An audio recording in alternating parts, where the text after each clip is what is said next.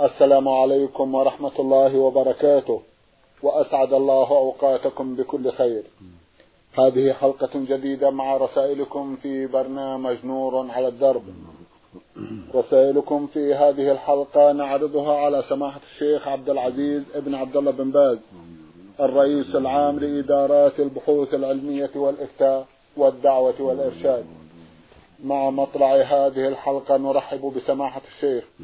ونشكر له تفضله بإجابة السادة المستمعين. فأهلا وسهلا بالشيخ عبد العزيز. حياكم الله وبارك فيك. حياكم الله. أولى رسائل هذه الحلقة رسالة المستمعة عين ميم الخطيب من الضفة الغربية بفلسطين. بعثت بهذه الرسالة وضمنتها عددا من الأسئلة. عرضنا بعض أسئلتها في حلقات مضت وفي هذه الحلقة. تسأل وتقول. أرى النووي يقول في تفسيره ما معناه إنه يستحب مد التكبيرة في الصلاة عند الانتقال من ركن إلى ركن حتى لا يخلو جزء من صلاته من الذكر. فما الحكم في من يستمر في التكبير عند الانتقال بدون أن يمد؟ فيأتي بثلاث تكبيرات أو أربع بين الركعتين أو بين الركنين. بسم الله الرحمن الرحيم. الحمد لله وصلى الله وسلم على رسول الله وعلى آله وأصحابه من اهتدى بهدى أما بعد فأمور الدين يتلقاها العلماء والمسلمون عن الأدلة في الكتاب والسنة.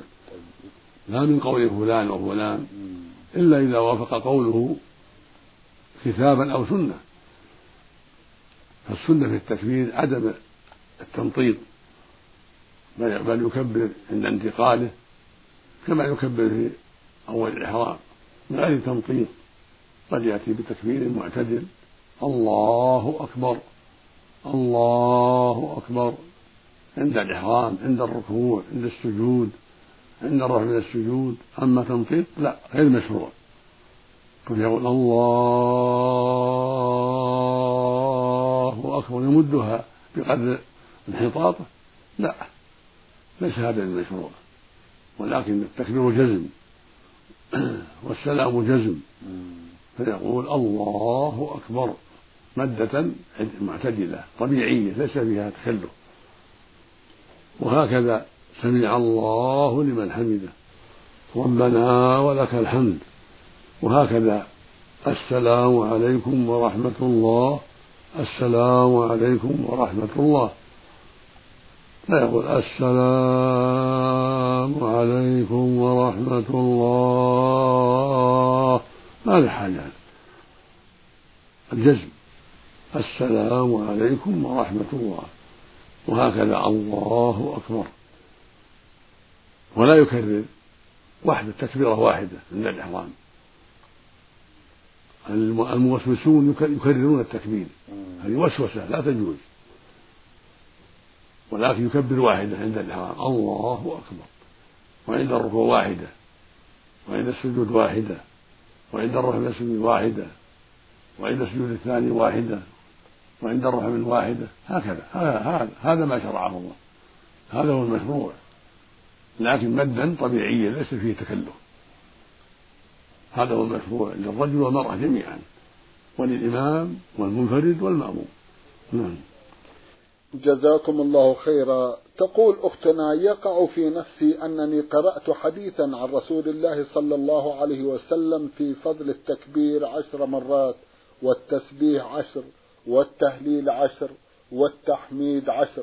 خشيت أن أكون قد زدت فيه شيء فبحثت فلم فلم ألق له أصلا ولهذا سألتكم أرجو إفادتي. جزاكم الله خيرا. نعم ورد في بعض الروايات عشر. عشر تكبيرات تسبيحات وحمدلة سبحان الله والحمد لله والله أكبر.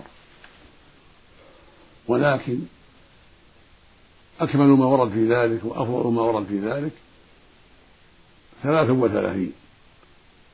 سبحان الله والحمد لله والله أكبر ثلاث وثلاثين مرة بعد الصلاة. بعد كل فريضة. الجميع تسعة وتسعون. والأفضل أن يختمها بقول لا إله إلا الله وحده لا شريك له. له الملك وله الحمد وهو على كل شيء قدير. هذه تمام المئة وجاء في بعض الروايات إكمال المئة بتكبيرة رابعة وثلاثين. وكل سنة. وجاء في حديث أبي هريرة في قصة الفقراء لما أتوا النبي صلى الله عليه وسلم وسألوه أمرهم أن يأتوا ب ثلاث وثلاثين تسبيحة وثلاث وثلاثين تحميدة وثلاث وثلاثين تكبيرة الجميع تسعة وتسعون. فإنهم قالوا يا رسول الله ذهب إخوان أهل الأموال بالأجور يصلون كما نصلي ويصومون كما نصوم ويعتقون ولا نعتق ويتصدقون ولا نتصدق. يعني ما عندنا المال. فقال صلى الله عليه وسلم ألا أدلكم على شيء؟ تدركون به من سبقكم وتسبقون من بعدكم ولا يكون أحد أفضل منكم إلا من صنع به ما صنعتم. قالوا بلى يا رسول الله. قال تسبحون وتحمدون وتكبرون دور كل صلاة ثلاث وثلاثين مرة. هذا يكون نوع ثالث ليس معه لا إله إلا الله ولا تكبيرة الرابعة وثلاثين ولكن كونه يكمل المئة لا إله إلا الله هذا هو الأفضل. وإن كملها بالتكبيرة الرابعة والثلاثين فذلك أيضا مشروع. وهو أفضل من الاقتصار على 97 لأن كل ما زاد في السنة يأخذ يأخذ به المؤمن. والوحي يأتي النبي صلى الله عليه وسلم بأنواع العبادات. كل ما أتى نوع من العبادة أزيد من الأول أخذ به. إذا ثبت عنه عليه الصلاة والسلام. فكونه يأتي بتسعة وتسعين ما بين تسبيحة وتحميدة وتكبيرة ثم يختمها بقول لا إله إلا الله وحده لا شريك له له الملك وله الحمد وهو على كل شيء قدير هذا أفضل. وجاء النوع الرابع في السنن بإسناد صحيح. عن النبي صلى الله عليه وسلم أنه أرشد إلى خمس وعشرين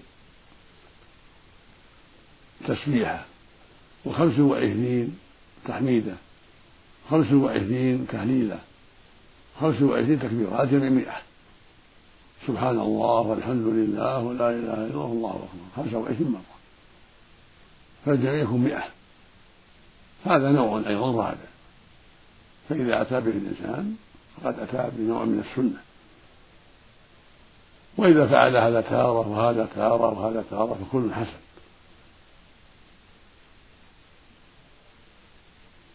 وهذا بعد الفريضة بعد كل فريضة. نعم.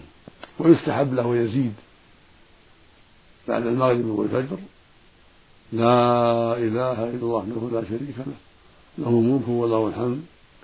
يحيي ويميت وهو على كل شيء قد عشر مرات بعد الفجر وبعد المغرب. هذا مستحب جاءت فيه عدة أحاديث عن النبي عليه الصلاة والسلام. نعم. جزاكم الله خيرا. سمعت من يقول في قراءة المرأة للقرآن وهي في عذرها إنه يجوز للمرأة قراءة وردها من القرآن وإن كانت معذورة. فما هو الورد؟ نعم نعم. يجوز لها أن تقرأ القرآن الصحيح لكن من دون مس المصحف عن ظهر قلب تقرأ آية الكرسي عند النوم تقرأ قل هو الله معوذتين عند النوم ثلاث مرات كل هذا مشروع. تأتي بالأذكار الشرعية في الصباح والمساء. كل ذلك مشروع وإن كانت في نفاس أو في حيض. نعم. هل تقول المرأة في دعائها وأنا عبدك وابن عبدك أو تقول وأنا أمتك ابن عبدك أو بنت عبدك؟ الأمر واسع إن شاء الله. الحمد لله. الأمر في هذا واسع. طيب.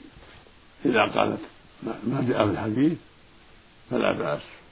وإن قالت الصيغة المعروفة اللهم إني أمتك وابنة عبدك هذا فلا كله طيب. كله طيب. جزاكم الله نعم. خيرا. تصاب تصاب أصابع قدمي بفطور وذلك من أثر الماء وقد منعني الطبيب من استعمال الماء ومن استعمال الجوارب أيضا. كيف تنصحونني وحالتي والصلاة؟ إذا كان يضر في الماء فلا بأس مثل ما قيل لك إذا كان يضر بقدميك فلا بأس. وإذا كانت الجوارب تضرك فلا بأس بتركها. وإن كانت لا تضر تلبسينها وتمسحين على الجوارب تلبسينها على طهارة تمسحين على الجوارب أما إن كانت الجوارب تضر الجوارب تضر كما قيل لك وهكذا الماء فيكفيك التيمم تغسلين وجهك ويديك وتمسحين رأسك ثم تستعملين التراب بعد التنشيف. تضربين التراب مرة واحدة وتمسحين بذلك وجهك وكفيك. بالنية عن القدمين. هذا هو المشروع. وهذا هو الواجب. إذا كان هناك ضرر بين في غسل القدمين ومسح ولبس الجرابين عليهما فإنك توضئين الوضوء الشرعي. يعني تمضمضين تستنشقين تغسلين وجهك ويديك وتمسح رأسك وأذنيك ثم بعد ذلك إذا حصل التنشف بعد ذلك تضرب إلى التراب ضربة واحدة بيديك وتمسح بهما وجهك وكفيك بالنية عن القدمين لأن العاجز عن استعمال الماء حكم حكم الذي والله يقول سبحانه فلم تجدوا ماء فتيمموا صعيدا طيبا فالذي يعجز عن استعمال الماء لمرض أو جراحات حكمه حكم فاقد الماء. يتيمم والحمد لله. جزاكم الله خيرا. هكذا الجريح وصاحب الجبيرة. سمحت شيخ. نعم الجريح وصاحب الجبيرة. الجريح إن تيسر مسح على الجرح مسح على الجرح وكفى. وكفى. وإن كان يضره المسح تيمم إذا كان ما في جبيرة. تيمم بعد غسله الأعضاء السليمة ثم إذا يبست يداه يضرب التراب مرة واحدة ويمسح بهما وجهه وكفيه عن الجريح بالنية عن الجريح. نعم. أما إذا كان عليه جبيرة فإن يمسح الجبيرة يكفي وتكفي عن التيمم. يكفي عن التيمم. إذا مسح الجبيرة نعم. عند غسل العضو الذي فيه الجبيرة كفى. فإذا كانت الجبيرة في الذراع مسح عليها مع غسل بقية الذراع. وإذا كانت الجبيرة في القدم غسل غسل القدم السليمة وبعض القدم التي عليها الجبيرة ومسح على الجبيرة والحمد لله. الحمد لله. ويكفي عن التيمم. هذا هو الصواب. جزاكم الله خيرا. المستمع خا صاد عين من الجماهيرية من الجماهيرية الليبية بعث برسالة يقول فيها أنا في السابعة عشرة من عمري مصاب بسلس البول. ولا أستطيع أن أحافظ على صحة وضوئي حتى أتمكن من أتمام الصلاة. كيف تنصحونني؟ جزاكم الله خيرا. المصاب بالسلس يتوضأ إذا دخل الوقت. كالمصاب بالاستحاضه الدم الدائم.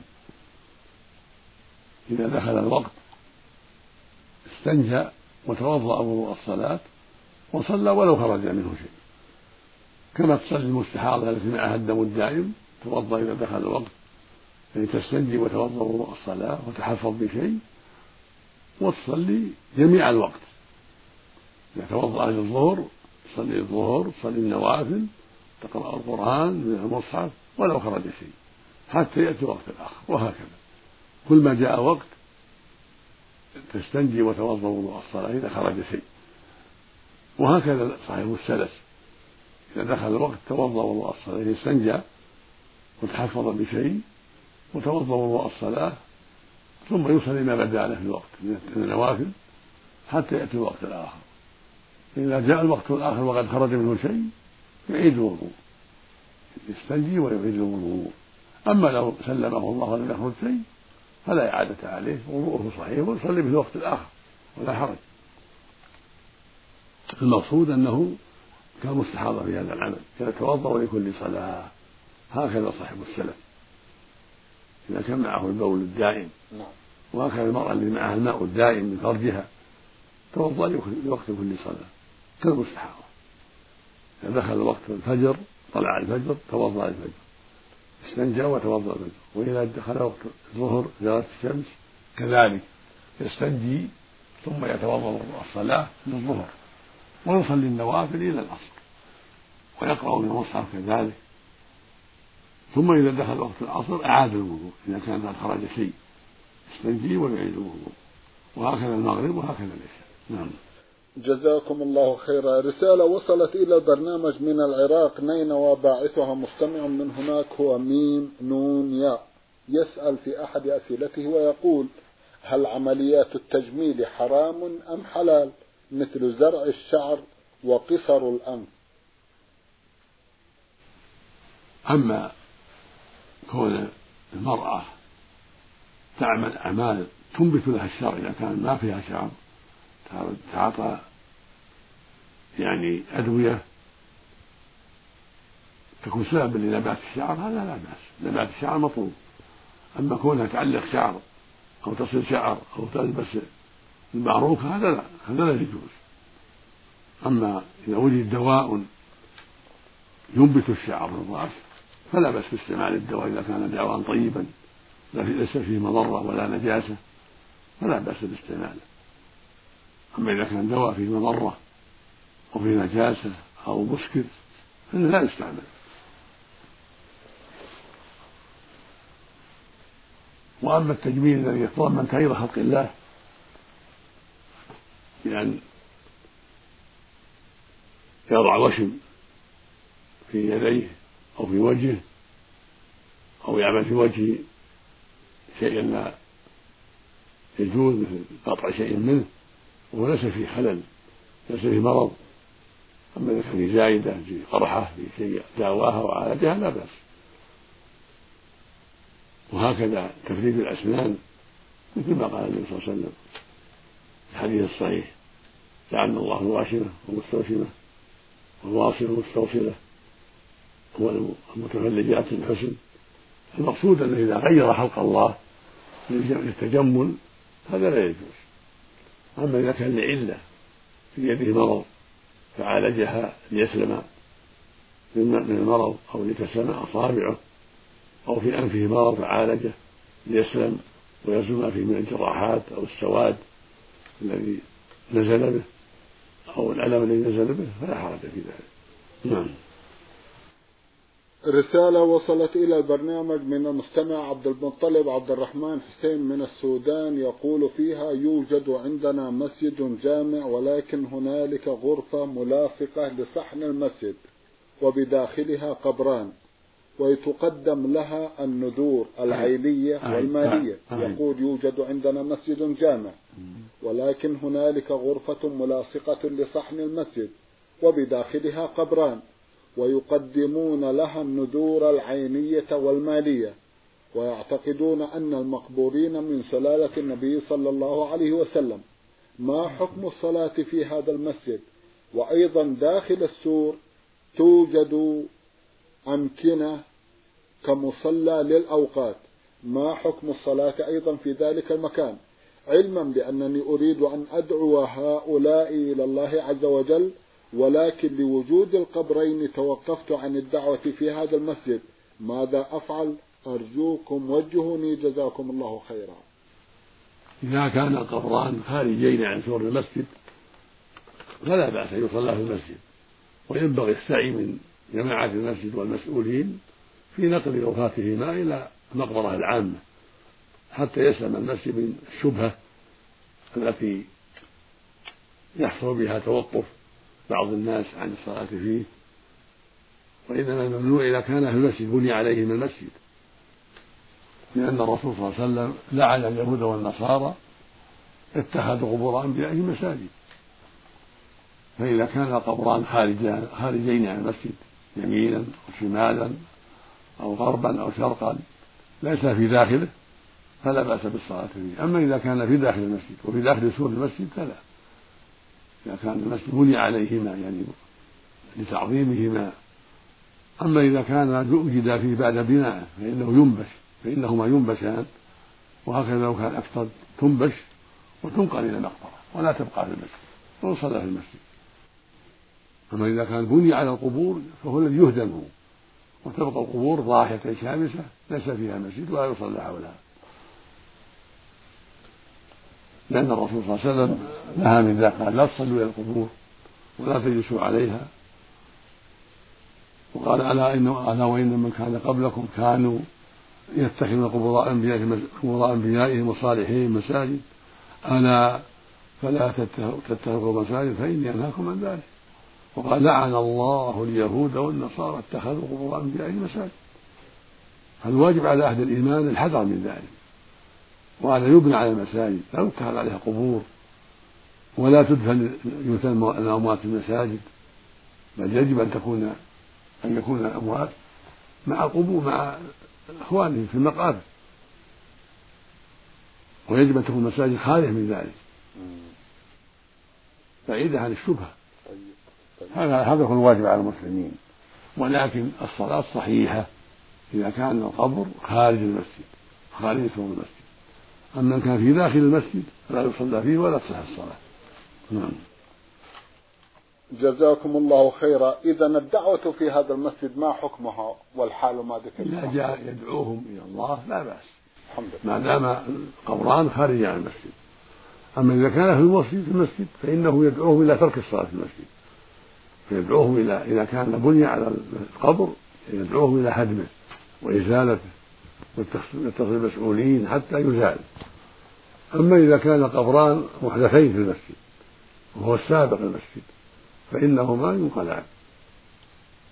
وهكذا لو كان أكثر من قبرين. تنبش وتنقل إلى المقبرة العامة ويصلى في المسجد بعد ذلك. ولا حرج. لأنها حادثة في المسجد هي فلا حكم لها بل تنبش. نعم. جزاكم الله خيرا. الأخ المستمع علي محمد فتحي غروي من جيزان بعث برسالة يقول فيها البعض من الناس يطيلون في قراءة الفاتحة فيركع الإمام وما زال المأموم واقفا يقرأ الفاتحة فعندما يرفع الإمام من الركوع يبدأ المأموم في الركوع ولا يلحق الركعة مع الإمام. ما حكم صلاة مثل هؤلاء؟ لا يجوز هذا. الواجب على المأموم إذا ركع إمامه أن يركع. لقول النبي صلى الله عليه وسلم إذا ركع فاركعوا. وإذا قال سمع الله فقولوا ربنا ولك الحمد. وإذا سجد فاسجدوا. فإذا ركع إمامه ركع. وسقط عنه باقي الفاتحة. كما لو جاء والإمام راكع فإنه يركع معه وتسقط عنه الفاتحة. لحديث أبي بكر في صحيح البخاري رحمه الله. أن أبا بكر رضي الله عنه الثقفي جاء والإمام راكع. النبي راكع عليه الصلاة والسلام فركع دون الصف ثم دخل في الصف. فلما سلم النبي صلى الله عليه وسلم قال له زادك الله حرصا ولا تعود. زادك الله حرصا ولا تعود ولم يأمره بقضاء الصلاة. فدل ذلك على صحتها لأنه معذور لما فاته القيام سقطت عنه الفاتحة. وهكذا المأموم إذا ركع إمامه قبل أن يكملها ركع مع إمامه وسقط عنه باقيها. فينبغي له أن يلاحظ ذلك حال قيامه حتى يقرأها قبل ركوع إمامه يبدأ بقراءتها في أول الركعة حتى يقرأها قبل إمامه قبل أن يركع ولا يتساهل. نعم. جزاكم الله خيرا. المستمع علي حسين جابر من مدينة ضبا في الشمال بعث يسأل ويقول إذا سئل إنسان عن أمر ما هل فعل؟ ثم أجاب بلفظ لا والله لم أفعل. ثم اتضح له فيما بعد أنه فعل. فهل يعتبر هذا يمين؟ إذا كان ناسيا ثم ذكر أنه فعل فلا يضره. ربنا يقول الله سبحانه ربنا لا تؤاخذنا إن نسينا أو أخطأنا. أما إذا كان متعمدا فعليه التوبة والاستغفار وهذا خطأ. عليه التوبة والاستغفار ويكفي لأنه يمين كاذبة. فعليه التوبة والحمد لله. قال والله ما فعلت هذا وهو فعله. نعم. هذا كذب. ما يجوز. والله ما زرت فلان والله ما كلمت فلان. وهو قد كلمه لكن ما أحب يخبر هذا الشخص اللي سأله. يكون عليه التوبة إلى الله والإستغفار وليس عليه كفارة يمين يعني هذا كذب. كذبها أعظم وشرها أعظم. وإنما الكفارة تكون في اليمين المستقبلة والله لا أفعل كذا والله لا أفعلن كذا. إذا أخل بذلك فعليه كفارة اليمين. أما على الماضي فإنها تعتبر يمينا غموسا يمينا كاذبة. ليس لها كفارة إلا التوبة. لكن لو كان ناسيا لو كان ناسيا فلا نعم. الحمد لله. نعم. حدثونا عن لغو اليمين كما يقول سماحة الشيخ. يقول الله سبحانه لا يؤاخذكم الله باللغو باللغو في أيمانكم ولكن يؤاخذكم بما كسبت قلوبكم. هكذا في سورة البقرة. وفي سورة المائدة يقول سبحانه وتعالى لا يؤاخذكم الله باللغو في أيمانكم ولكن يؤاخذكم بما عقدتم الأيمان. فلغو اليمين اليمين التي لم يعقد عليها قلبه ولم يقصدها. بل جرت على لسانه من غير قصد. في عرض كلامه والله لا والله في عرض الكلام من غير قصد. اليمين. ومن غير من غير قصد عقدها. فهذه اليمين تكون لاغية. ومثلها لو كان حلف على أمر يظنه مصيب فبان غير مصيب. كان يقول والله لقد رأيت فلانا. ثم تبين إنه شبه له. ليس هو فلان. ويعتقد إنه مصيب. فهذا يلزم اليمين. أما إذا قصد اليمين وعقد عليها قلبه وكسبها بقلبه فهذه فيها كفارة. لأنه قاصد لها. حيث قال والله لا افعلن كذا والله لا ازورن فلانا والله لا ازور فلان. والله لا أكلمه. والله لا أكلمنه. قاصدا ذلك فهذا يمين منعقدة إذا أخل بها وجبت عليه كفارة. نعم. جزاكم الله خيرا. المرسل فهد حمد محمد وافي القحطاني بعث برسالة يقول فيها إذا بدأت الوضوء ولكنني نسيت التسمية فما حكم وضوئي ذلك؟ وكيف تنصحون من كان مثلي؟ يقول إذا بدأت الوضوء لكني نسيت التسمية فما حكم وضوئي ذلك؟ وكيف تنصحون من كان مثلي؟ إذا توضأ الإنسان ونسي التسمية أو كان جاهلا فلا شيء عليه وضوءه صحيح. إنما الخلاف بين العلماء إذا كان تعمد مع العلم. فالجمهور على الوضوء الصحيح ولو تعمد. لأن الأحاديث عنده ضعيفة في ذلك. وذهب بعض أهل العلم إلى أن وضوءه غير صحيح إذا تعمد مع العلم. لأن الأحاديث وإن كان في أسانيدها مقال لكنها يشد بعضها بعضا كما قال الحافظ ابن كثير رحمه الله عند تفسير قوله تعالى يا أيها الذين آمنوا إذا قمتم إلى الصلاة الآية في سورة المائدة. قال إن أسانيد يشد بعضها بعضا. وهي الحديث المعروف المروي عن رسول الله صلى الله عليه وسلم قال لا وضوء لمن لم يذكر اسم الله عليه. جاءت من عدة أحاديث. جاءت عن عدة من الصحابة. عن أبي سعيد وأبي هريرة وآخرين. لكن في أسانيدها مقال قال الحافظ رحمه الله أن يشد بعضها بعضا وتكون من قبيل الحسن. يكون يكون الحديث من قبيل الحسن لغيره. ولهذا ذهب بعض أهل العلم إلى وجوب هذه التسمية في أول الوضوء مع الذكر. أما مع النسيان ومع الجهل فلا شيء عليه ووضوءه صحيح. نعم. جزاكم الله خيرا. المستمع المختار ولد محمد من موريتانيا بعث برسالة يقول فيها امرأة مطلقة ثلاثا. هل يجوز لها أن تشترط على الزوج الثاني أن يمكث معها عدة أيام ثم يطلقها لتعود إلى زوجها الأول أي أنها تريد أن تجعل من الزوج الثاني مجرد محلل للزوج الأول. ليس لها ذلك. وليس للزوج الجديد أن ينكحها بهذا الشرط ولا بهذه النية. هذا المحلل اللي لعنه الرسول صلى الله عليه وسلم. الرسول صلى الله عليه وسلم لعن المحلل والمحلل له. فلا يجوز له أن ينكحها ليحلها ولا أن يتفق مع المرأة على ذلك بل يجب يتزوجها للرغبة فيها فإذا ناسبته بقي معها وإلا طلقها لا لقصد التحليل. وإذا تزوجها بقصد التحليل فالنكاح باطل ولا تحل الأول. عقوبة له في نقيض قصده فلا بد يكون النكاح نكاحا شرعيا لا نكاح تحليل ولا بد من أن يطأها الزوج الثاني ثم يطلقها. إذا طلقها بعد الموت حلت الأول. لقوله جل وعلا فإن طلقها فلا تحل له بعد حتى تنكح زوجها غيره يعني طلقها الثالثة.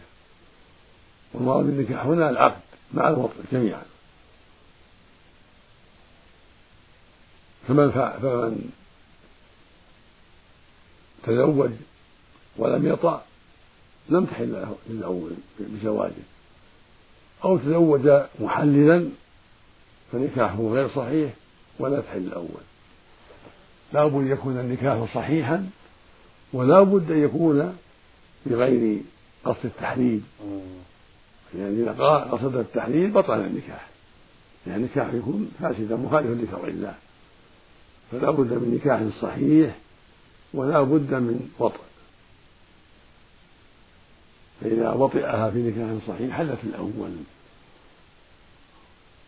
وأما تزوجها ليحلها فهذا منكر وكبيرة من كبائر الذنوب لأن الرسول صلى الله عليه وسلم لعن من فعل ذلك. نعم. جزاكم الله خيرا. سماحة الشيخ في الختام أتوجه لكم بالشكر الجزيل بعد شكر الله سبحانه وتعالى على تفضلكم بإجابة السادة المستمعين وآمل أن يتجدد اللقاء وأنتم على خير. نرجو ذلك اللهم مستمعي الكرام كان لقاؤنا في هذه الحلقة مع سماحة الشيخ عبد العزيز ابن عبد الله بن باز الرئيس العام لإدارات البحوث العلمية والإفتاء والدعوة والإرشاد.